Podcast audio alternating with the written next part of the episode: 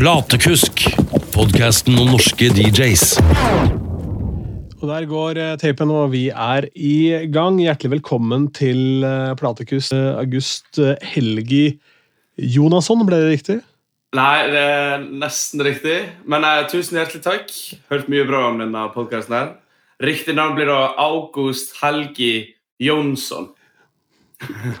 Ja, ikke sant? Jeg hadde ikke hatt sjans i helvete til å få det til å sitte.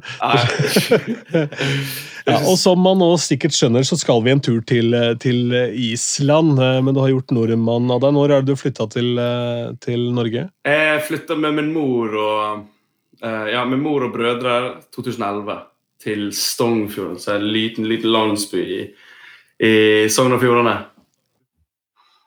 Nåværende, nåværende Nordvestland, eller hva faen? Ja, ja, ja, det er jo helt umulig å holde styr på. Jeg har en sånn database med gamle quiz-spørsmål. Jeg får kjeft hver eneste uke nå, vet du, for jeg går i den, og der er det jo feil fylker og feil kommuner og gud veit hva. Uh, Nei, nå er den bygningen høyere enn den, og jeg bare uff, ja, slutt, da. Ja, jeg bor i Bergen, så. Nå er jeg her.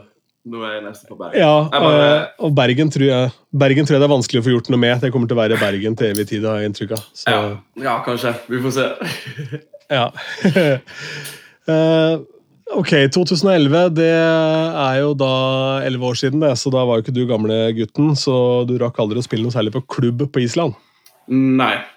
Uh, nei, ikke i det hele tatt. Nei, Begynte du å DJ før du flytta, eller var det noe som skjedde når du kom til Norge?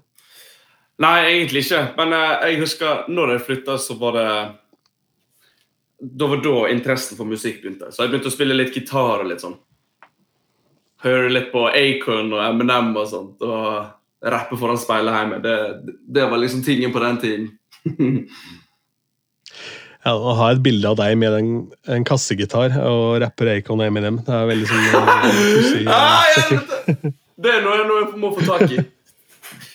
Selg det på Ja, ja, ja. Lett, lett. Ja, er du gæren? Klart det. Eh, men hvorfor eh, Eller ja, la oss ta det først, hvis du veit noe om det. For du er jo den første islendingen jeg har på her. Hvordan er eh, egentlig klubbkulturen på Island? For det er vel strengt tatt bare Reykjavik som er noe å snakke om sånn bymessig? Ja.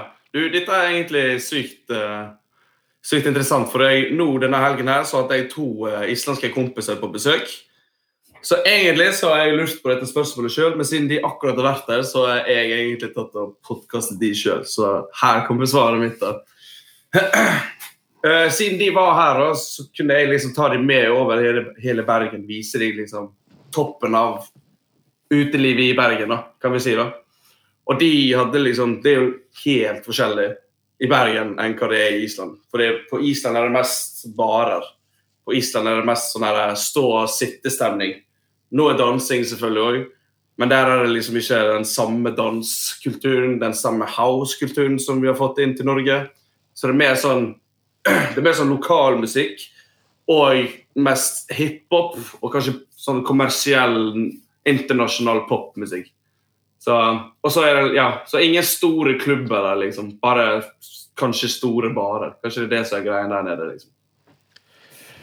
Ja, det er vel det man kaller for partybarer. Eh, I Ja. staten og sånn, så er det jo sånne Altså, Du danser vel på plassen din mer eller mindre og står og rocker der du holder på å synge med og skriker. Ja. Og, og, ja.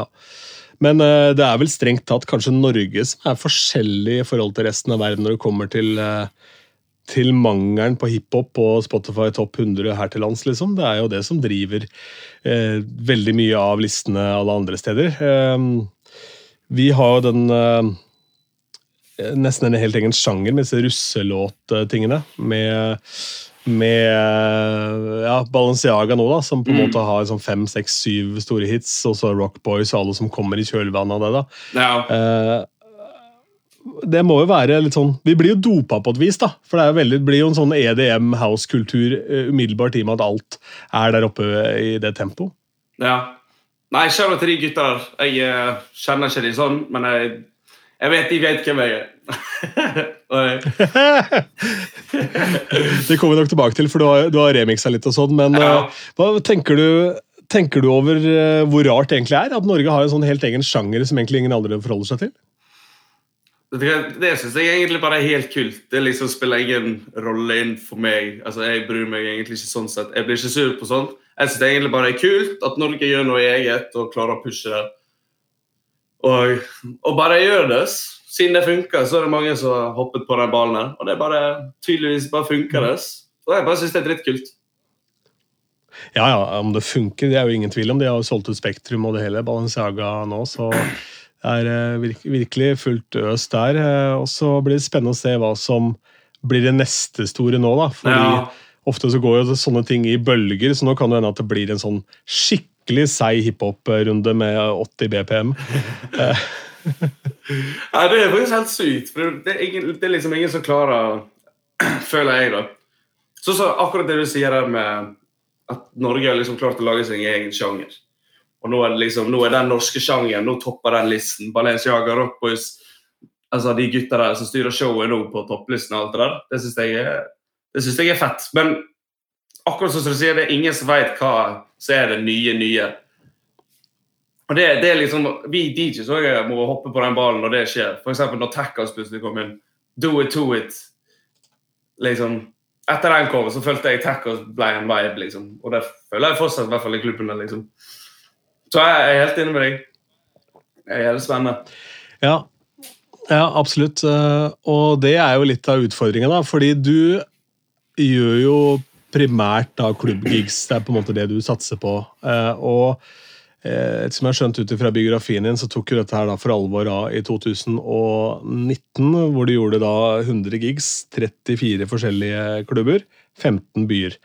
Hvordan eh, kommer man seg inn der som en ganske ung kar, riktignok med stå-på-vilje og sånn. Hvordan kommer man seg inn på alle disse forskjellige klubbene i de forskjellige byene? Jeg tenker At noen i det hele tatt gidder å ta telefonen eller svare på en mail, er jo litt rart. Ja, nei, det, er et bra spørsmål. Eh, jeg har holdt før 2019, før jeg flyttet til Bergen, så har jeg holdt på med dette her. Så shout-out til Kenneth B. Jeg eh, still remember. Det er liksom way back når jeg fikk interessen for, eh, for å bli DJ.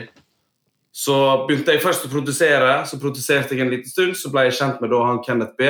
Så lærte han meg, tok meg litt inn og viste meg liksom basicsa på, på dette her. Og så spilte vi litt i Sogn og Fjordane osv. Så, så, videre. så flyttet jeg til Bergen. Da hadde jeg liksom allerede spilt litt. Så jeg liksom tok med meg kanskje en viss kunnskap at jeg, at jeg kunne kanskje ta vanlige gigs, kan vi si. da. Men eh, egentlig så var jeg bare, jeg bare giret. Jeg var sulten på liksom få muligheten. Jeg var åpen for å snakke. Jeg var liksom, jeg ville bare være åpen og jævlig grei med alle jeg møtte. Og jeg synes det bare var jævlig gøy å liksom bare komme til Bergen, møte alle disse nye folkene. Så jeg har lyst til å gi, jeg har lyst til å så mange. Men han all, aller første mannen som tok meg inn i Bergen, det er Jim Kvamme. Han eh, det, altså, det tok meg en liten stund før jeg fikk min første gig. liksom. Så, og det var faktisk gjennom DJ-kollektivet jeg fikk liksom komme meg først på byen. Og det var ganske sykt, egentlig. For da kom jeg på klubben. Jeg, jeg tror jeg hadde lagt ut en, eh, et innlegg på DJ-kollektivet der jeg skrev sånn her Yo, jeg er ny i Bergen. eh, Kan noen, eh, eller er det noen som spiller? Kan jeg komme og se? liksom? Var, og, og så svarte han og Jim, Jim Kvamme. Ja, jeg spiller på Lille her i Bergen. Du må bare komme og se, liksom. Så bare gikk jeg. 19 år gammel, liksom. Strakk ikke alkohol, satt meg ved siden av DJ-en. Det var det kuleste jeg noen gang hadde opplevd. Bare, «Åh, Sitter der, liksom. Kult, liksom. Og skrev ned sangene. eh, Jeg tror ikke jeg har notatene fortsatt. Det er helt sykt.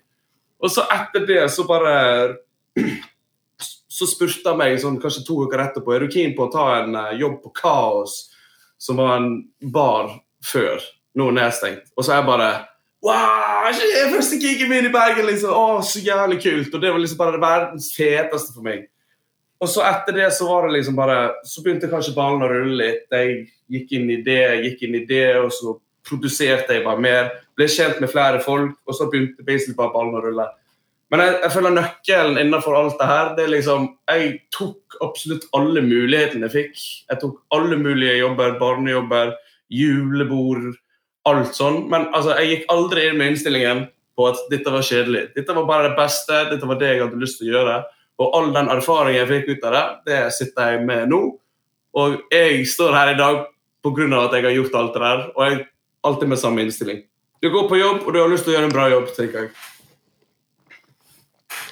Jeg var og spilte på en eh, travbane her for eh, noen uker siden. Um, etter et hesteveddeløp på Momarken travbane, faktisk. Fett. Uh, og det er også en gig. Ja, det er så jævlig fett, det er det vel kanskje ikke, men det er i hvert fall en gig. Uh, og det firmaet som driver da, hva skal vi si, kafeen eller baren da, på den travbanen, det er et eventbyrå hjemme fra Indre Østfold, der hvor jeg kom fra.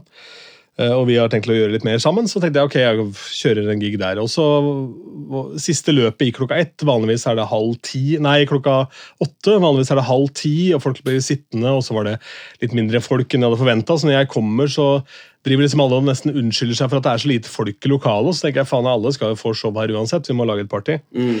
Og så klarer vi å holde på den lille gjengen som er da til klokka er to på natta. liksom. Eh, og så driver da noen av jentene og rydder her, de som jobber der. og så spurte hun ene sånn, hva er den beste DJ-gigen du noen gang har hatt. Og så ble jeg stående og tenke, og så akkurat det du sa, minner meg på, på det jeg sa til henne. Fordi enten så kan du velge å gjøre dette her som sånn sidegig, hvor du er ute og tjener noe spenn.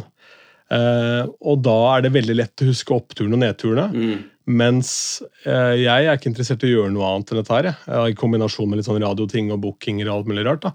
Eh, og quizer og bare Men altså, det er på en måte bare et sånt løp. Ja. Eh, og da er hver eneste jævla gig er jo den beste gigen du har, fordi du slipper å ja, du slipper å sitte på et advokatkontor da, og svare på gørr kjedelige ting. ikke sant? Og jeg har inntrykk av at det er litt sånn samme innstillinga du har inni det. da. Ja, nei, men absolutt. Altså, det fins jo det, altså, det finnes cheapy gigs, og det fins bra gigs. Men altså, for meg så er målet det samme. Du går inn for å gjøre en bra jobb. Liksom. Og så kanskje det kommer med en innstilling og en bad vibe på at folkene som kanskje har booka deg, at du da sprer dårlig, dårlig vibe. da. For dårlig vibe hvis, hvis jeg blir møtt med dårlig vibe, så prøver jeg å altså, gi positive vibes. Men møter du dårlig vibe med dårlig vibe, så er ikke, det er ikke bra. Altså. Nei, Minus og minus blir ikke pluss altså, i den settingen der. Det er veldig, veldig sjelden. Matematikk er feil! Matematikk er feil! Minus minus ikke pluss. Hvem som lagde den regelen der? Slutt! Nei, det var sikkert en eller annen gresk jævel. Jeg har ikke peiling. Men jeg er litt nysgjerrig på, hvordan du da kom deg inn på alle disse andre klubbene. For en ting er på en måte å bli kjent i Bergen, og så er du blitt en del av miljøet, men det var jo da vitterlig sånn at du hadde vært i 15 forskjellige byer, og ganske store steder også.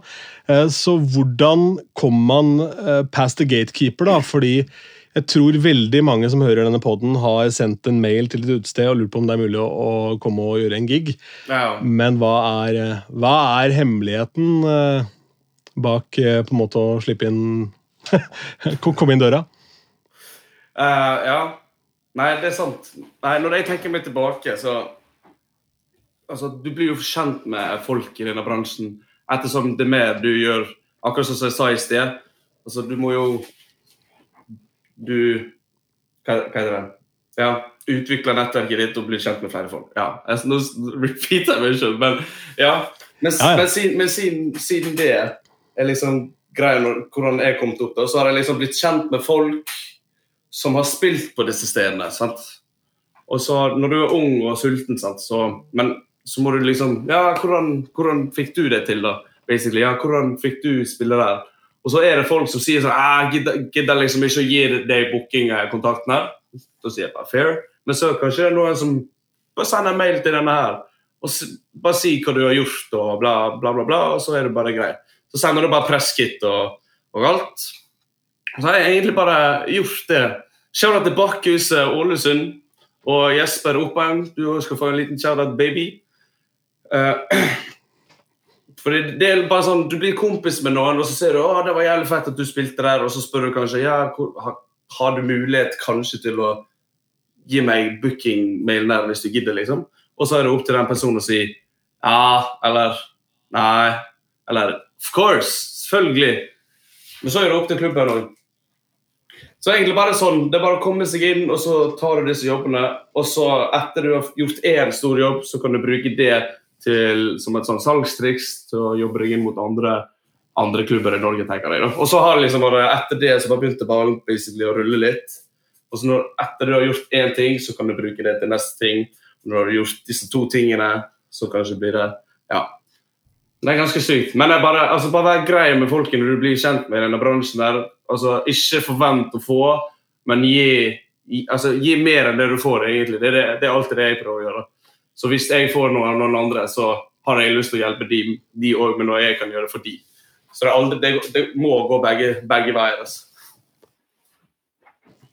Det er jo den såkalte ketsjup-effekten der. altså Hvis man fortsetter å, å, jobbe, så vil det på et eller annet tidspunkt løsne. Og da begynner snøballen å rulle, og så blir den større og større. og større, og større. Ja.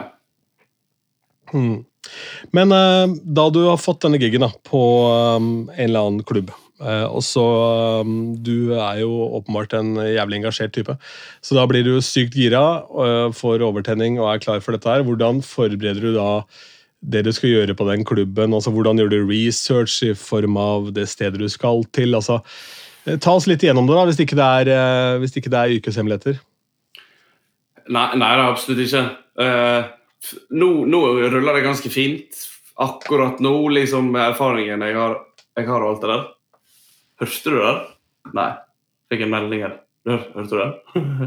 nei, det gikk fint. Ok, bra. Da vet jeg det. Men uansett, så nå går det fint. Men altså, jeg, jeg blir egentlig booket til å gjøre på en måte min greie jeg gjør nå. Og det er liksom det folk har fått med seg. Så det er liksom kommersiell tech house tech, basically. Så det er på en måte det jeg gjør nå. Og så bare utvider jeg spekteret overfor den boblen der. Men før, før kanskje, når jeg begynte kanskje å få disse store jobbene, kan du si, for første gang, da kriblet det litt, litt, mer i magen. Da var det liksom å, altså fear of, uh, fear of failure, liksom. Så da, Hva om dette skjer? Hva om dette skjer? Så egentlig så var det bare altså, bruke de to, da, to dagene før på liksom bare bare nail Ikke et, altså, Aldri pre-recorded. Aldri sånn der, jeg starta med den, starta med den, starta med den sangen. Det er bare bare lage en mappe for altså, altså mappe med låter da, for det utestedet der du tror det kommer til å bli bra. Og så har jeg en mappe inn, så er det fire mapper innenfor de mappene der. Der det står start, middels, halvfullt dansegulv og fullt dansegulv. Og så er det to bonusmapper rett under de, der det står 'Mister dansegulvet', fikser. Få de på dansegulvet. Ja, det er, ja, det er hookene, ja. Fire. Ja. Eh, få det på. Ja, nei, men det ja, der er jo faktisk det på. Der er det mye lærdom, altså, fordi Å, deilig. Jeg sliter med sånn long covid, så jeg driver med tørrhost og fatigue her. Det er deilig at noen har masse energi i av denne apparaturen. Altså. Det er så digg. Eh, men der tror jeg mange har mye å lære, for jeg tror det er mange som reiser rundt med de samme mappene i Serato eller hva enn det måtte være, helg inn og helg ut, uansett hvor de mm. spiller, eller hva slags gig de gjør. Men hvis man tar seg tid til å gjøre den øvelsen med å lage da en ny crate, da, som det heter i Serato, for uh, hver eneste gig, uh, så du blir altså så mye skarpere av det. Um, for Jeg har inntrykk av at det er noe veldig mange bare har gjort når det kommer til bryllup, for eksempel, da, fordi der har brudeparet sine ønsker, og der må du på en måte, du må ta hensyn til det. da. Mens eh, hvis du gjør det samme på klubben, så kanskje du får flippa eh, flippa det vi i radioverden kaller for gold-låtene dine, f.eks. de gamle hitene. For det er jo throwbacks, eh, La oss si det er 100 throwbacks som funker, så kan du jo da spille 20 stykker av det den ene helgen, og så kan du spille 20 totalt forskjellig neste helg. Ja. Eh, det er så lett å falle i den der eh, fella og spille det samme. Ja, nei, det er sant. Nei, den fellen der syns jeg alle DJs burde prøve å holde seg unna. For det er en felle hvis, ja, det, er, det er bare en felle du ikke har lyst til å gå i. rett og slett. Utvikle, utvikle mm. finne nye sanger hele tiden. Det er sånn du utvikler deg som DJ. Og har du det nye, så er det liksom som, Samme med Tackos. Nå er Tackos veldig inn i Bergen. Og jeg føler, og, og vi, altså uh, eh, DJ-kartellet i Bergen vi, er, vi, er, en gjeng med sånn, jeg tror vi er en gjeng med sånn åtte tacos-DJs med en sånn Facebook-gruppe. Og så har vi, blitt, og vi har snakket litt om at liksom, ja, vi må passe på at vi liksom ikke spiller alle de samme sangene. sånn at det er liksom, at vi er based, at Da er vi basically bare samme DJ. Så jeg syns det er jævlig viktig at vi, hver enkelt DJ innenfor Hvis du er tackers-DJ eller hvis du er pop-DJ. At du finner, en, altså, du finner en egen greie innenfor den paraplyen av sjanger. Så synes du, ja, Mm. altså, ja, ja, du kan, kan spille samme låtene, men det er ingen DJ som spiller de samme låtene i samme rekkefølge, f.eks. Det handler om hvordan du spiller låtene dine, hvor tid du spiller låtene dine, og hvordan Ja. Altså, det, det, er, så, det er så mye som spiller inn, egentlig. Ja, eh, helt klart. eh, og ja, rekkefølge og hvordan vibe du skaper, og det er så utrolig mange, mange ting der. Jeg husker da jeg begynte å DJ, ikke sant? spilte på CD-er, så var det sånn ok, den låta funka bra med den, og da hadde du en overgang. Ja. Så da dro dere den overgangen hver gang. da. Eh, Spør samme låt? funka. samme to låt? Ja, Ja, ja. Ikke tenk på det. Love Struck inn i Safri Duo, det var hver gang. Ah! Hver gang. Helvete. Men eh, det, det er jo en litt annen tid nå, det er litt lettere med det digitale, selvfølgelig. Ja. Um, jeg har nå satt opp sånne mapper i eh, Serato som um, eh, Sånne Hva heter det? Um, Autocrates, er det det heter? Sånne Mm. Er det det? Ja, jeg tror det er sånne, i hvert fall sånne, eh, sånne filter crates da, som gjør at du på en måte kan legge alle de siste 50 sangene du har lagt inn i systemet, kan havne i en mappe.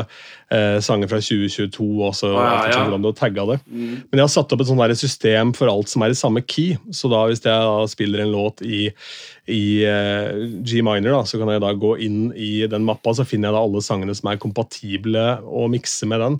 Ja. Eh, og fy faen, der jeg har fått mye inspirasjon eh, til, til gamle throwbacks og ting som du har helt glemt. Eh, tok meg selv i å spille eh, hva heter den? Afroman, 'Because I Got High', her på en sånn partybar. Det er slaget! Ja, ja, Jeg ja. var elleve år gammel. søt. alle i hele verden kan, du. Ikke sant? Ja, Så står alle og later som de fyrer. Det er helt nydelig. Åh, øh, og alle går sikkert hjem og fyrer etterpå. Jeg må, jeg, jeg må finne tackers-DJ av den. ja, ja, ja, lett, da! Gjør en, gjør en tech-flip av den, da. Uh, men, Jeg leste en, eh, For å være litt sånn seriøs her, så leste jeg en artikkel eh, på jeg lurer på om det var NRK ja, som um, hadde intervjua noen unge jenter som fortalte da at eh, de kunne like så godt da mikrodosere med, med drugs da, framfor å drikke alkohol på fest. Eh, At det på en måte er normalt. Så det har jeg hørt noen eh, amerikanere snakke om på podkaster, at det har forandra sånn stemningen i rommet. da. Er det noe du merker på klubbscenen nå kontra før pandemien? At liksom alt er liksom skifta på et vis? Altså når, når folk kommer ut, hvordan de oppfører seg. Så jeg veit ikke. Jeg, jeg syns alt er så rart. Det er så uforutsigbart. Om At det er mer narkotika i, by, altså i byene generelt, eller? Ja, jeg vet ikke altså, om det er mer av det, men jeg har inntrykk av at før så var det sånn ok, de der borte det er de som på en måte bruker dopet, mens nå Dette her var jo da ennå 20 år gamle jenter, liksom. Nei. Det er jo ikke de du ser for deg at, eh, at eh, drar jeg litt av Lisse. Nei. Uh, uff, nei, det er sinnssykt mye snakk i ikke bare Bergen. Jeg tror det er alle byene i hele landet nå. Det er så mye så Det er, det er så mye det er så mye narkotika i byen nå. Det er helt sykt. Og du, det er liksom Ja, det er ingen stereotyper eh, som gjør det lenger, liksom. Det er bare alle, tydeligvis. Sånn som du sier. Men hvordan forandrer det på en måte stemningen i klubben, da? Fordi det er en sånn veldig intens, kortvarig rus framfor eh, alkohol, da, hvor du kommer på en sånn wave. Så da kan du på en måte følge waven som egentlig DJ-en har. da. Eh, hvis du drikker alkohol, eller hvis ikke du bare kjører shots. da. Ja. Eh, men, da for å skylde deg sjøl. Men eh, det med at liksom, du kommer opp med sånn spikes hele tiden da, ved å ta pepper eller, eh, eller, eh, eller kokain, da. det er jo Ja, jeg veit ikke. Jeg, tror det, jeg tror ikke vi har sett på en måte konsekvensen av den trenden der eh, riktig ennå. Altså. Nei, jeg tror kanskje ikke det. Men jeg vet at det, det er mange som gjør det. Og så når alle gjør det, så kan du ikke se en jævla forskjell på noen. Synes. Ja, det Ja. er for så vidt sant. Ja, men altså, for meg så har ikke jeg sett noen som er sånn av det, liksom. Det er altså Du kan klarer nesten ikke å merke at hvis folk gjør det, og så sier de plutselig ja, øh, jeg har gjort noe, så er det sånn ja. For meg, da. Nå er ikke jeg ute og prøver å se i øynene på alle og prøver å finne ut av sånne Nei, ting. liksom. Men altså, er man åpenbart beruset av alkohol, så kan man merke det at man eh, er full, liksom. Og så kan du merke hvis noen er helt fullstendig ute på, på noe annet. Jeg, jeg føler i hvert fall, altså Med min gjeng så er det ingenting sånn, så er det bare veldig go, liksom.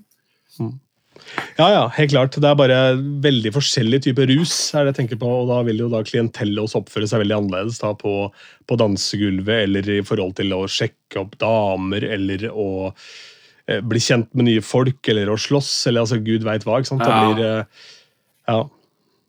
Nei, det, jeg, merker, jeg merker ingenting sånn spesielt, egentlig. Føler kanskje, jeg, jeg vet det er jævlig mange i byen som gjør det. Og, og så er det alltid det typiske Det er alltid noe typisk kanskje slåssgreier. Men jeg føler, jeg føler egentlig at folk oppfører seg ganske, ganske greit i byen. Altså. Faktisk. Mm. Bedre enn før, faktisk. Skal jeg være helt ærlig. Sinnssykt. Ja. og det blir to Nei, nei, nei. nei, nei.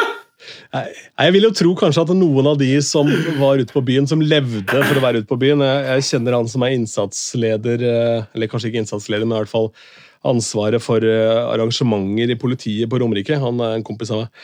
Og han fortalte det at eh, det er da noen bråkemakere som Du kan gi liksom 10 og 20 og 30 000 i bot og sette dem i fengsel i 30 dager, men det som virkelig svir, er hvis du stenger de ute fra Lillestrøm sentrum en måned. Fordi det er der de har livet sitt. Det er å gå på byen ikke sant? Ja. og møte gutta og få med seg en eller annen jævla skrell av en dame hjem, og så får du to litt. Altså, eh, det er på en måte det som er livet deres. da. Så han Jørgen sa det at det er det som svir så sinnssykt da, for de gutta. Så det å gi de portforbud er liksom mer verdt da, enn å putte de i spillet. liksom. Ja. Men jeg vil tro noen av de kanskje da røyker på den dama, og så ble det en unge der, og så har de på en måte slått seg til ro, da, fordi det var jo ikke, det var jo ikke lov å gå ut ikke sant, eh, under pandemien. Så jeg tror kanskje at vi har Og kanskje noen faktisk også har skjønt det at skulle jeg brukt pengene mine på noe annet enn å sitte og dunke ned på shots og halvlitere på den samme jævla puben hver eneste helg. Det kan også hende at noen har skjønt det. Nei. skulle jeg tatt meg en tur til New York, kanskje, istedenfor å sitte her og hamre innpå enda en Hansa? Heller ta deg et billig Tequila shots på Brukbar i Bergen. Helvete! Få det på! Ja. Deilig, deilig.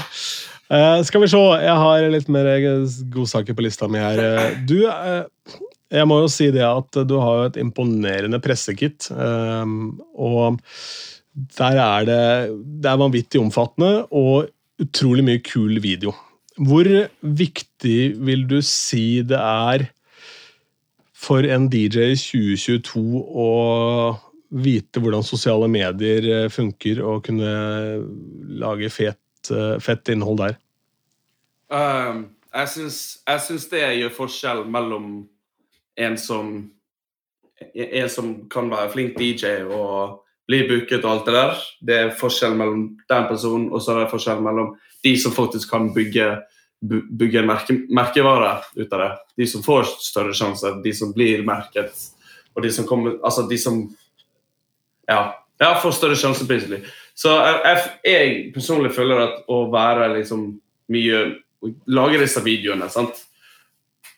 Og gjør, altså, gjør det til ditt eget. Finn, finn en greie med disse videoene som liksom erkjenner deg litt, og finn en merkevare, noe ja, noe folk kan kjenne det igjen med. Jeg, for eksempel, jeg har jo jeg har jo disse brillene mine som jeg har begynt å bruke. Ja, Ja, Disse brillene de er ty tydeligvis helt plutselig bare Det har enten bare Det er August, eller det har en fyr med brillene.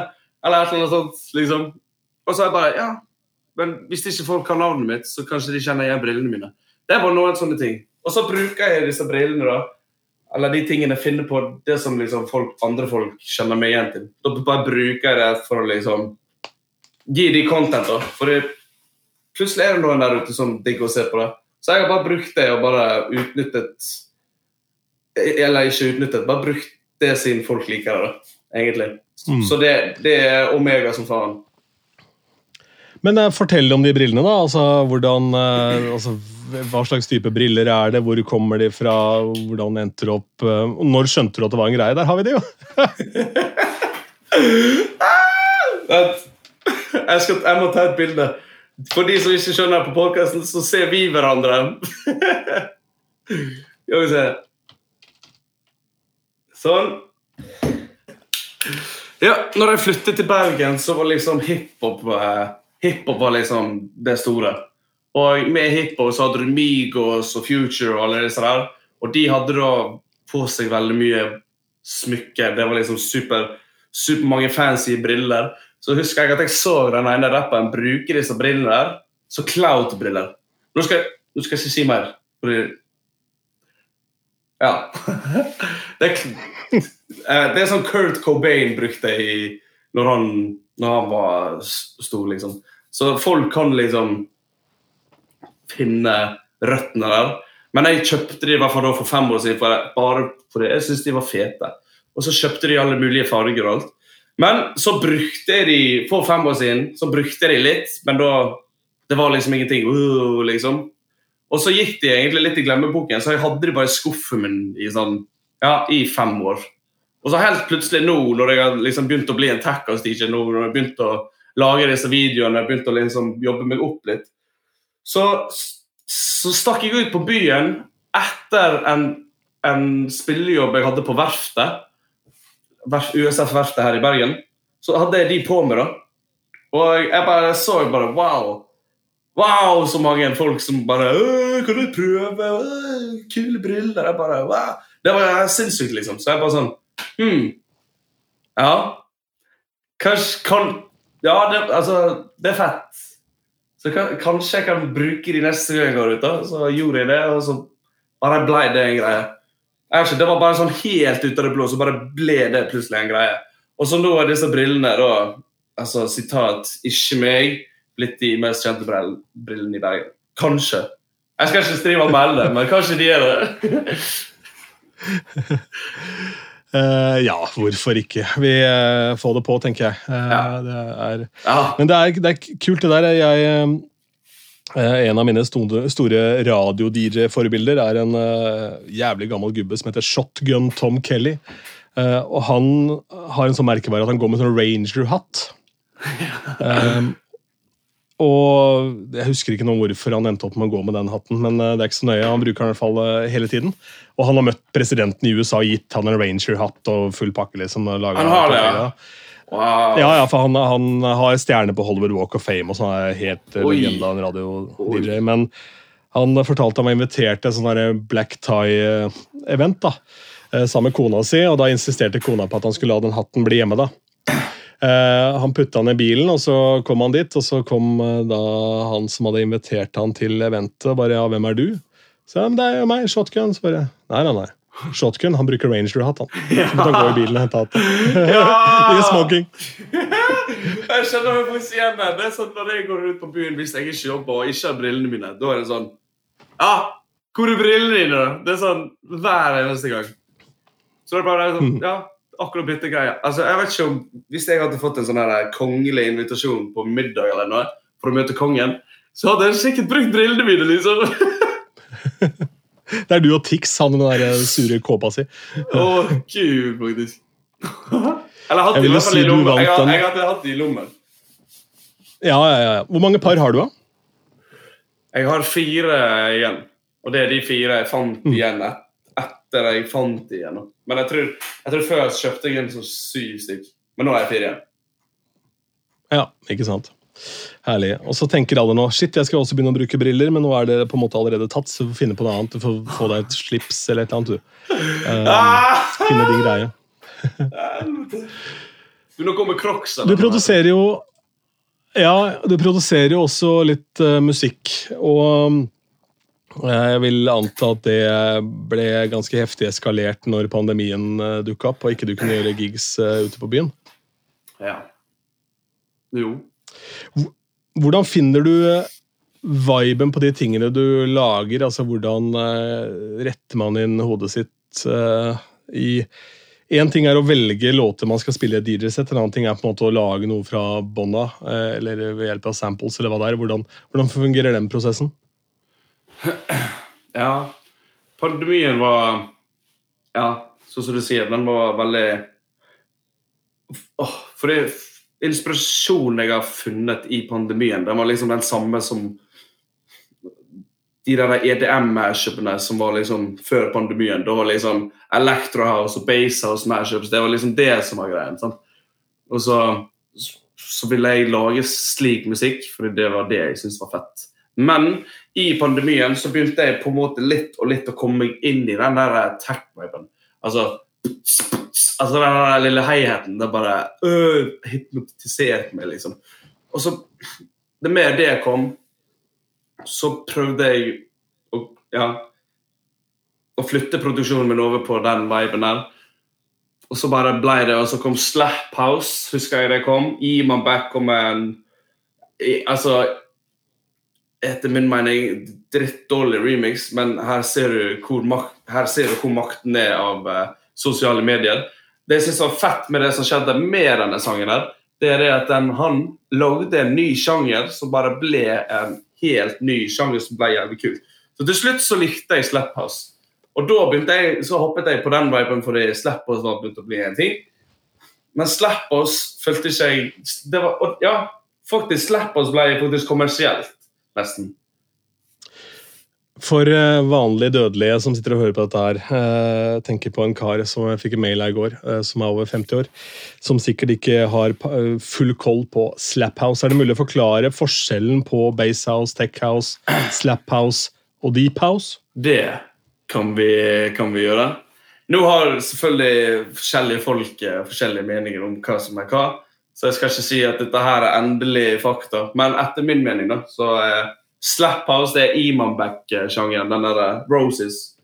Skal ikke, Ja. Nå skal ikke begynne å synge, liksom, men det er liksom tung Ja, bass. men jeg, ja, jeg legger linker til eh, eksempellåter under her, Mm. så ja. Mm. Så det er liksom Slap House. Og det er lavt tempo, egentlig, og kanskje 124-5. Deep House, det er liksom mer den derre uh, rolige Hvordan skal man beskrive dette med ord? Det er sånn, det er sånn er så rolig digg eh, house-vibe, basically. Du har, det har liksom elementer fra alle de andre sjangerne, bare at det, det er litt mer flowy, det, er litt mer flyt i det. Men det er, samme, altså, det er kanskje bygd opp på samme måte, det er bare litt mer digg. Tech House, den, den, den preger seg ut litt, fordi den er liksom Det er high-hatsene og det er den tunge, grove, melodiske bassen som går i undertonen, og det er det som preger hele låten. Nå har liksom tacos begynt å bli kommersiell, for det finnes du kan lage tacos ut av absolutt alt. Gamle sanger, nye sanger, hiphop, rock. Alt. Så Slap House kom Nei, Tacos kom etter Slap House. Og ja. Ja. Nå drifter jeg òg. Jo, jo, jo. Nei, altså, jeg, jeg skjønner jo det er en vanskelig øvelse å på en måte sette ting i bås, men jeg, jeg føler vel uh, Craze, da, som nevnte Do It To It, og Fisher med Losing It, det er vel på en måte uh, veldig sånn definerende Tech House-låter. da. 100 uh, ja, eh, og det fins vel uh, ikke en låt som ikke er masha med Losing It. Uh, Nei, jeg kan, lage, jeg kan lage en hel mappe med 100 mashups, sikkert. Ja. Men hva er Base House, da?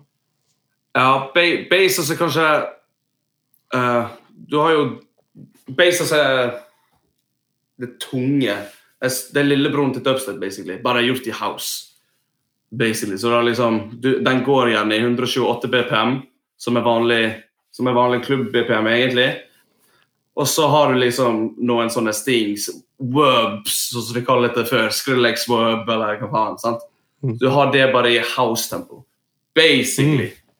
Hvis, Ja, hvis det er superenkelt å skrive, liksom. Basically. Basically!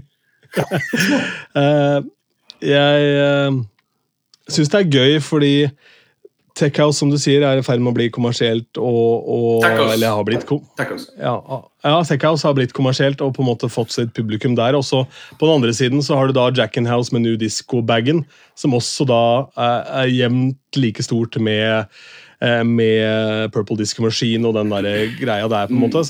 Det, er- og det er veldig melodiøst igjen. så jeg synes det er litt artig at det er de to sånn separate spor der. Samtidig så syns jeg at eh, den Purple Disco-greien Det kan kjøres med tacos.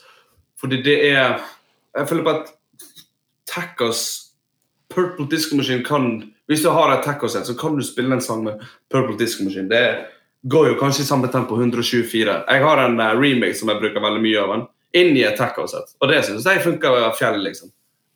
Så Mm. akkurat sånn som du sier, det er jævlig kult at det er mye som skjer innenfor de Altså, ja De Kanskje, kanskje vanskeligere andre veien, hvis du, spiller nudisko disco eh, og blander inn tech house. Ja. Jeg tenker at det, det, det blir en helt annen vibe. Ja, eh, kan, kan, kanskje, kanskje ikke det går, da. Kanskje, kanskje det blir litt Mm. sånn What? ja. Ja, hvis du har liksom en vib som går på en klubb. Jeg husker jeg fikk eh, har, Første radiokanalen jeg jobba for noen gang, med Askim, Radio City, så drev jeg plukka og testa litt låter av hva vi skulle spille, og så spilte jeg Junior Jack med Stupid Disco.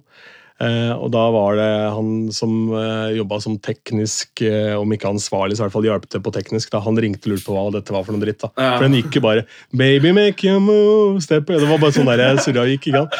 I, i fire minutter. Ja. Eh, og det, det var de ikke klare for. altså. De måtte ha noe Det måtte, kunne godt være house-tempo, men det måtte være noe mer Ja. melodiøst. Ja. Nei, jeg, fø- jeg føler tech- jeg føler tech har blitt så svært at uh, fordi før, for eksempel når Losingen kom altså Alle kjenner Losingen-sangen. Det er en sang som er liksom veldig repetitiv, og så kommer det ett dropp, og så er det kanskje repetitivt òg, men det var liksom fett. Jeg føler tacos i dag det er liksom blitt det er blitt kortere. Du liksom klarer å presse inn to og et halvt minutt med tacos, og så, har du, så bygger du tacos-låten opp så, sånn at det ikke blir kjedelig. Akkurat sånn som du sier. For du har alle disse tacos-sangene som varer i sju minutter, og så bare går de. Og så slutter de aldri å gå. Basically, liksom. Og så har du de Ja, nye det- kommersielle, da. ja, så Det som egentlig har skjedd, er at de bare har falt ned i den samme gryta da, som alt annet, og så har de da tatt akkurat samme oppskrift som all annen popmusikk. da. Ja, at det er blitt kommersielt. Og liksom bruker, Ja. kommers bruker kommersielle ting for å liksom holde det kult fortsatt. da. Det syns jeg, er helt- det synes jeg er helt greit, egentlig. Mm. For Ja, det er liksom intro, så er det hooket, og så har du på en måte da eh, og, så, ja, også, ja, og en bridge der, kanskje. Kan? Ja. Et eller annet, ja, så Nettopp. Hmm. ja. Eh, hva produserer du uh, nå, da? Du er ute med en ny låt. Den er jo ikke en måned gammel engang, sammen med Nicholas Adams. Den heter uh, Do It Good. kom tidligere denne måneden her. Yes. Det er en Tech House-låt. Det det er en tacos-låt, ja. Det er Mm. litt mer sånn mørk eh, sånn, en, en, litt, litt kanskje underground tacos-låt som bare går og driver. Shout-out til Nicholas Adams, min bror.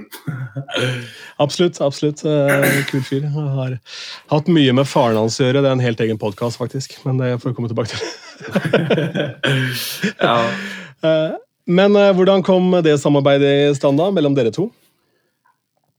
Du, eh, vi Ja, det, dette er egentlig litt eh, random og eh, litt uh, morsom historie, da. For vi har jo visst hvem hverandre er, liksom. Jeg har drevet med og lagt ut ting på DJ-kollektivet og sånn. Så kanskje, kanskje litt heldig å få god support fra DJ-en inne der. Så har han da kanskje kommentert på noe jeg har lagt ut. Og så når jeg, jeg er ikke den fyren som sender mails til disse folkene. Jeg sender heller liksom bare en, P, en DM, liksom. Og så skriver jeg liksom Hei, hei Nicholas. Kult at du ønsket sangen sendt. Her er, her er et direkte link til den sangen. Og så kanskje hvis jeg kjenner til eh, kjenner til de folkene, så jeg kjente jo til Nicholas, liksom, men vi hadde, hadde aldri snakket. Så jeg bare sendte sånn Ja, jeg har fulgt litt med deg i det siste. Jeg syns det er kult, kult det du driver på med, liksom. Og ja, bare stå på, liksom. Bare liksom jeg viser liksom interesse tilbake, på en måte. da. Og så, og så bare begynte den samtalen å gå, og så bare begynte vi å snakke om alt mulig. Og så bare Yo, hvorfor skal ikke vi bare lage en sang?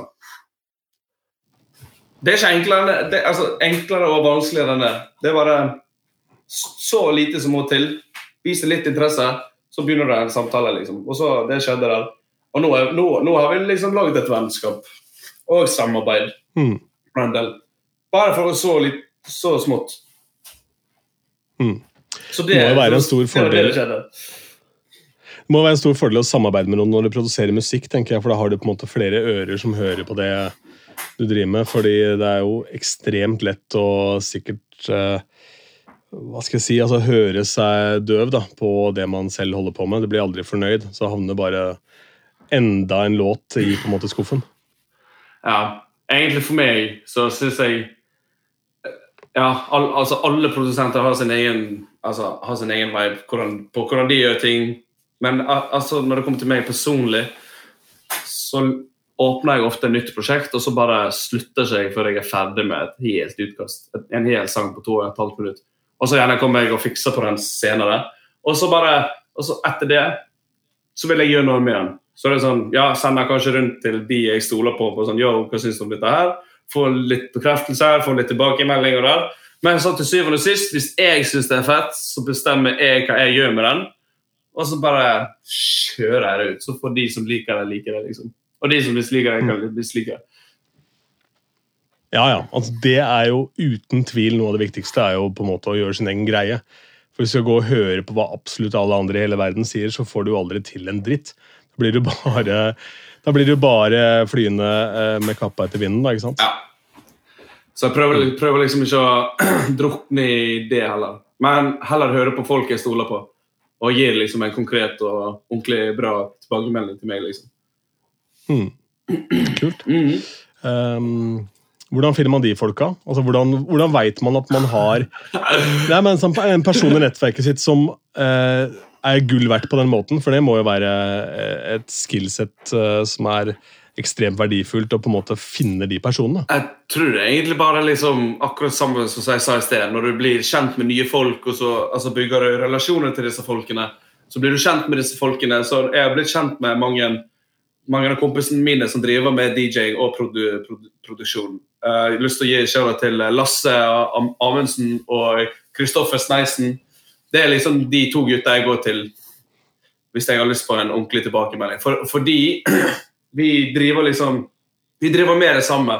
Vi driver med flips av uh, Flips remixes av kjente sanger. Og så spiller vi Space basically. Så vi holder vi liksom er blitt en liten sånn trio, da. Så der får jeg min, der får jeg min uh, insider. Ja, kult. Ja, men det er smart, det. Det, er, eh, det jeg tenkte, var at det må være veldig lett at man går i fella og bare omringer seg med yes-menn. Altså med folk som bare heier på deg fordi du syns du er fet. Fordi de har lyst til å være på lista i helga på den klubben, og fordi alt mulig rart. eh, Og det er kult å henge med DJ-en, men da ender du bare opp med å Ja, det blir et ekkokammer, da. At bare alle heier, og det er på en måte ingen som gir noe konstruktiv feedback, så der må man være litt obs, tenker jeg. Ja. Mm. Man, man må være det, for det, de fins 100 Ikke noe Har du entourage, eller? Har du Reiser med entourage med brillene dine? Hæ? Entourage med briller! Helvete! Her kommer det fem stykker forbi eh, flyplassen med samme briller. Oi, gud. Ja, ja. Hva faen er de folka der? Det har jeg tenkt. Det er nydelig. Eh, Nei, det måtte vært helt konge, da. Det er, eh, men du må jo få noen kjente folk til å pose med de brillene. Herman Friele tar de brillene på. Tror du ikke? Han fikser det, han. Så tar en kopp kaffe og slapper av. Shout-out, bro. Fix det, please. Ja, ja, ja, er du gæren. Skal sende mail til Friele. Ikke tenk på det. Gud. Ja, det er deilig. Eh, Vi er eh, etter hvert i ferd med å rappe opp her. Jeg tenkte bare jeg skulle eh, spørre deg om eh, noe jeg så i presseskrivet ditt. Du har vært på turné i Hellas. Eh, og det er det jo ekstremt mange norske DJs som har eh, vært, fordi eh, eh, en del av klubbene i eh, ja, Hellas, Spania og sånn, de er interessert i å tiltrekke seg rett og slett skandinavisk klientell fordi vi har mye penger. Mm. Så det er eh, attraktivt eh, med DJs fra Skandinavia. Jeg valgte å ikke hoppe på den bølgen da jeg var 1920, fordi eh, ja, jeg så på det regnestykket. da, For en gangs skyld så gjorde jeg en klok avgjørelse, tror jeg. For da hadde jeg sittet igjen med da null kroner, og så hadde jeg sikkert vært på fylla i 30 dager i strekk. Ja. Uh, og så hadde jeg sikkert kommet hjem med ja, noe rart på tissen. Ja. Eh, men uh, den greia der Du, du var på IOS og spilte? Ja, i 2019, ja. Det var Ja. Hva lærte du av eh, besøket der nede, sånn som du tok med deg videre i karrieren? da? Nei, det var altså noe helt annen, helt annen opplevelse enn det jeg hadde opplevd før. Det var liksom alle de nye folkene og masse svenske folk som liksom ble kjent med de, og, og på en måte litt hvordan de gjør det der nede. da. Det er jo mindre betalt og alt det der, så man må på en måte være klar over de forskjellene. At du gjør, altså, De fleste der nede gjør ikke det for pengene, de gjør det liksom for nettverket og opplevelsen og alt det der. Så helt topp eh, topp opplevelse. Hadde gjort det igjen. Ikke sant? Ja, Det er jo helt uh, nydelig. Ok, da tenker jeg at vi skal eh, Jo, eh, først eh, så har jeg lyst til å ta noen ord også om andre ting du driver med. Du er jo da promotion manager for et sted i Bergen som heter Skau. Ja. Hvordan får man det som en side-gig? Så de at du var flink med video og flink til å skape blest, og tenkte jøss, her kan vi jo slå to fluer i en smekk? Her er det faktisk gøy å hoppe inn i. For hvordan det skjedde, da går vi inn på båtfester. Og båtfester er liksom det som har gjort meg fra en, bare en DJ til en slags event organizer og artistbooker og alt, alt det der. Så det er liksom et Jeg er liksom ikke bare nå en DJ, nå har jeg liksom alle mulige andre ting jeg gjør òg. Og måten jeg fikk den promotion manager-rollen på Skaubar, det begynte alt med at jeg arrangerte en eh, stor båtfest på MS Sjøscenen her i Bergen. Som er sånn stor ferje, ferje egentlig. Sånn gammel, fer gammel ferje som de har bare gjort om til sånn der konsert og alt. Så i fjor, i fjor, i september i fjor, eller forrige sommer, så begynte den båtcrazen i båtcrazen i Bergen. da. For båtfest har liksom blitt en stor greie i Bergen nå. Som alle liksom har bare lyst til å hoppe seg på. og alt det der. Så jeg har blitt med på disse båtfestene nå i fjor. Og så nå i år så ble jeg spurt om jeg hadde lyst til å arrangere noe på den båten. Og så tenkte jeg å, i helvete, jeg har aldri arrangert noe så stort. For det er liksom plass til over 300 stykk.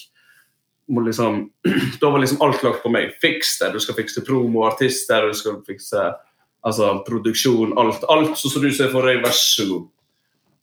Og jeg bare, og, men når jeg fikk det spørsmålet, så tenkte jeg sånn Så tenkte jeg sånn Helvete, jeg har aldri gjort det før. Men det er jo derfor jeg må gjøre det. For det, altså, erfaringen du får fra det. Det er bare til, altså, skyld, det er bare til å hoppe inn i det. Går ikke det, så går ikke det. Og går det, så, så får, du, altså, får du himmelen, liksom. Så jeg bare, vet du hva, jeg, tar, jeg, jeg gjør det.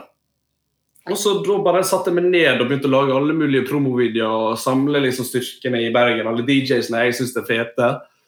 Og sleit det ut til alle folkene mine, vennene mine, altså gjengene mine, og bare Yo, kan dere har dere lyst til å være med og pushe ut? Bli med på dette. liksom. Dette er første, greie. første store arrangementet jeg lager, liksom. Og så, og så bare gikk det jævlig bra. Så var det utsolgt en uke før, og 300, og 300 altså over 300 mennesker på den båten her. Og så DJ-ene kom, produksjonen gikk bra. Det var bare det var den perfekte dagen. 25 grader ute, solen bare grillet oss. Så etter det så begynte folk å åpne øynene for at helvete, kanskje han, kanskje han klarer å lage fest. da? Kanskje dette går fint? Kanskje vi skal ta, vi skal ta en liten prat med han her, liksom. Og så gikk det, så gikk det jævlig bra, da. Og så et, noen uker, måneder etter det, så fikk jeg muligheter for å bli med på andre, andre sånne ting. Så han eieren på Skau bar, han eier også en annen båt som heter MS Showboat. Han er da min nåværende sjef, som heter Pål Aasrud. Kjære til Pål. Love you, pappa. Vi ble med Ah, nå bare, dette, jeg elsker, elsker det båtgreiene. Det båtgreiene har gitt meg alt. Så jeg, hvis det går fint for deg, så bare snakker jeg ut. Ja, kjør på. Ja, ja. Ja. Så et, etter jeg lagde min egen båt, det gjorde jeg liksom alene sammen med altså de som jobber på den båten, selvfølgelig. Så tenkte han ja, hva faen, kanskje han skal bli med på Tysnesfest. For Tysnesfest, Har du hørt om Tysnesfest? Ja. Ja, Tysnesfest er jævlig kult. Det er liksom bare norske artister som spiller der. Og så hadde de lyst til å gjøre noe, gjøre noe nytt, lage et nytt konsept, så vi lagde noe som heter Tysnesfest at Sea. Da tok vi med eh, den båten jeg hadde, har beskrevet nå, og så lillebroren til den båten. Så hadde vi to båter på Vågekai, som er kaien der på Tysnes, og så kjørte vi helt sinnssyke, sinnssyke fester her de tre dagene. Og så gikk det jævlig, jævlig bra. Den, den aftermovien er faktisk på Music by August. Self-promo her! Hvor kjekt det! Jeg skal legge link eh, under poden her, eh, for det må du sjekke. Og det er masse å hente på mange av de videoene, for de er dritfete. Og jeg kan tenke meg at også mange av stedene du spiller, blir helt sånn satt ut når du kommer i en sånn vill aftermovie, for du er ikke vant til at uh, Du er kanskje vant til at det er en eller annen dårlig eh, ræva mobilvideo med dårlig lyd og sånn, men det er jo Hvor har du lært de greiene der, da? Jeg har alltid hatt et øye, for jeg har, jeg har hengt med videografer og fotografer før. Så har jeg en viss greie overfor ting sånn som jeg ser dem. Jeg trenger nødvendigvis ikke å vite nøyaktig hvordan du gjør alt, men når jeg ser det, så vet jeg hva jeg vil. Så jeg liksom kan, jeg kan det faglige, men ikke det tekniske, kanskje. Så, så Mm. et, etter det, så når jeg har liksom sett mine boys lage disse videoene, så har jeg sett liksom hvordan de klipper det, hvordan, liksom, hvordan energien er i disse videoene. Så er det sånn, ja, kanskje jeg kan liksom bare gjøre det sjøl. Så hvis jeg skal gjøre det sjøl, så filmer ikke jeg, så klart. Men jeg tar mange forskjellige videoer, så bare kleffer jeg dem sammen. Og så bare lager jeg masse forskjellige effekter, og så bare ser det fett ut. liksom. Og så har jeg en tacoslåt overfor den, så er det bare uh. Ja, ja, ja. ja, det er akkurat det. Det er veldig takknemlig å slenge, slenge videoer og effekter opp på Techhouse, da skal sies. Det er jo, ja. Men det er kult det med de båtene, og det er jo også et sånn derre altså, Det hørtes kanskje ut som du sa at ja, nei, så bare prøvde vi det, men det var selvfølgelig ikke sånn at du bare prøvde det. Du jobba jo sinnssykt hardt for å få den festen bra. Og det er kanskje det viktigste, at du må levere eh, hver eneste Ja. gang. da. Det var, Eh, og det, bare det var gå mye, all in. Mye. Ja, jeg, og jeg Mm. gjorde det. Og på den tiden så hadde jeg fulltidsjobb eh, på DHL i tillegg. Så jeg måtte liksom gjøre alt til etter jobb. Og liksom Mm. fikse alt, lage alle promovideoene, alle tekstene. Bare kom om bord. Fik, bare fikse det. Og det, det akkurat som du sier, det er mer jobb enn hva man egentlig tror. Og så må du liksom være altså, frontmann når det skjer òg. Du må liksom stå der, ta imot folk. Ja, ja, dette, dette går bra. Og så bare gikk det jævlig bra. Helvete, jeg er så Mm. takknemlig for den eh, båten her. Ja, veldig kult. Jeg har spilt på båt, jeg også, faktisk. eh, Og det var da det var sånn eh, offshore Formel 1-race i Oslofjorden. Hvor både Røkke og Gjelsten var med med hver sin båt. Og da var det to, to båter som fikk lov til å ligge inne i, eh, i eh, banen, og det var da om det var Stena Line eller Color Line, i hvert fall en av danskebåtene, og så var det Bamse Brakar, som er da Nesoddferja. Eh, som eh, Det var et sted på Aker Brygge som het Hannibals hybel. De gutta hadde leid den båten og da hadde sånn partycruise. da. Og så på og så på uh, båtrace, selvfølgelig. Og så hadde vi rigga til noe helt vanvittig lydanlegg. da, Noen svær DAS-rigg. Og da var eh, Konferansieren var da en av gutta som eide det der utestedet, og han blei mer og mer drita i løpet av denne sommerdagen. Ja, Eh, Du og blir drita skulle på alltid disse gjøre- Fy faen. ja, jeg er jo gæren. Klart det. Bare reker og hvitvin. ikke sant? Han var jo helt pærings etter hvert. Og da husker jeg han eh, sto og ropte opp til uh, danskebåten. Han og sa Dere har kanskje størst båt, men vi har faen meg største anlegg! Og så måtte han spille full gass, og da var det Gud hvor du er deilig, var den sangen han skulle ha på full guffe. da. Så og Dette skjedde år etter år. Jeg var med på det en to-tre ganger sammen med min mentor Arild Jørgensen. som hadde den gigen. Jævlig fett. Du, Det var dritmoro, men det Ja. Du er i hvert fall hjertelig velkommen eh, til Bergen eh, på båtfestene vi arrangerer her. Ja, er du gæren? Klart det. Det hadde vært jævlig fett. eh, Sykt nice. Ja, det, De båtfestene gir meg alt. Og Mm. alle i, i Bergen. Så det har bare blitt en uh, greie. Mm. Ja, det er kult. Jeg er ikke helt fremmed for det, altså. Nice. Det Alright, hva, er, hva er det neste på tapetet nå, da, før vi går inn i avslutningen med Rapid Fire her? Hva er det du har på gang? Hva er det som skjer nå de nærmeste månedene? Nå er det å fokusere litt på Skau Bar som, som promotion manager. At jeg Ja, jeg tar på en måte Jeg er promotion manager og konsept... Altså, jeg styrer basically det som skal skje der. Så det er bare å pushe mer der, lage noen fete fester. Samtidig så har jeg lyst til å bruke tid på tid på meg, altså meg sjøl, som trener, bruker den tiden jeg får, og for å begynne å produsere litt igjen og pushe ut til nå. Bruke liksom Ja, bare alltid, alltid pushe og prøve å bygge og møte nye folk. Spille på nye klubber. Prøve å, prøv å spilt i Oslo. Aldri spilt i Oslo. Oh, Mm. yes. Det må da være mulig. ja, jeg må bare bygge, bygge, møte nye folk og bare ha det drittfett. Egentlig. Det, det er det jeg har lyst til å gjøre framover. Fett. Men eh, da går vi inn i rapid fire, avslutningen der, eller not so rapid fire. Fem spørsmål eh, som uh, du kan svare på så kjapt eller treigt du bare vil. Hva er favorittgiggen din? Og den er todelt. Det er både hva du har vært og sett selv, eller vært på da, som gjest, og hva du har spilt. Ok, Den beste, beste konserten jeg har vært på, skjedde på Tustnes Fest når Broiler stilte. Sykeste produksjon jeg har sett. Sykeste jeg har opplevd. Jævlig bra. Kodos til de. Det jeg har spilt sjøl, det må kanskje være uh, Far Out Beach Club i IOS Hellas. Eller, Ja. eller uh, det kuleste uh, Crazy Island Festival i Kroatia. Ja, ikke sant. Uh, Far Out Beach Club, for de som ikke kjenner til den, eh, ta oss eh, kjapt igjennom hva det er for et sted. Eh, skal, ja, jeg? Ja, ja, jeg har ikke peiling. Jeg har ikke vært der.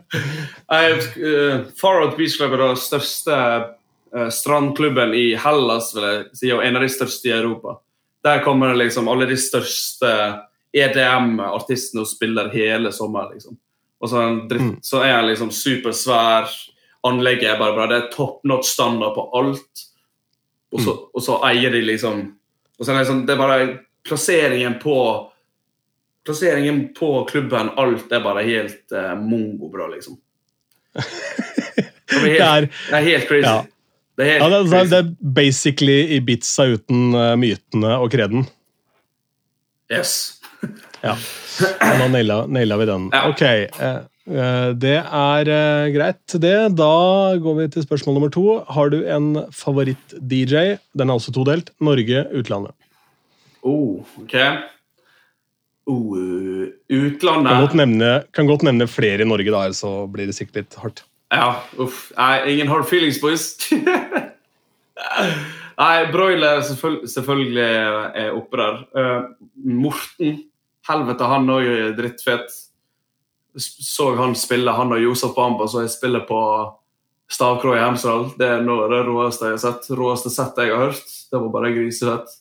Så har vi da mine boys Lasse og Kristoffer Sneisen. En liten en, en liten, ja, vent, vent! En liten greie her. Uh, Steisen, du trodde jeg aldri skulle gi deg på den måten, her, men fuck Nisbjørn! Har du ikke vite engang? jeg lover deg, de som vet, de vet.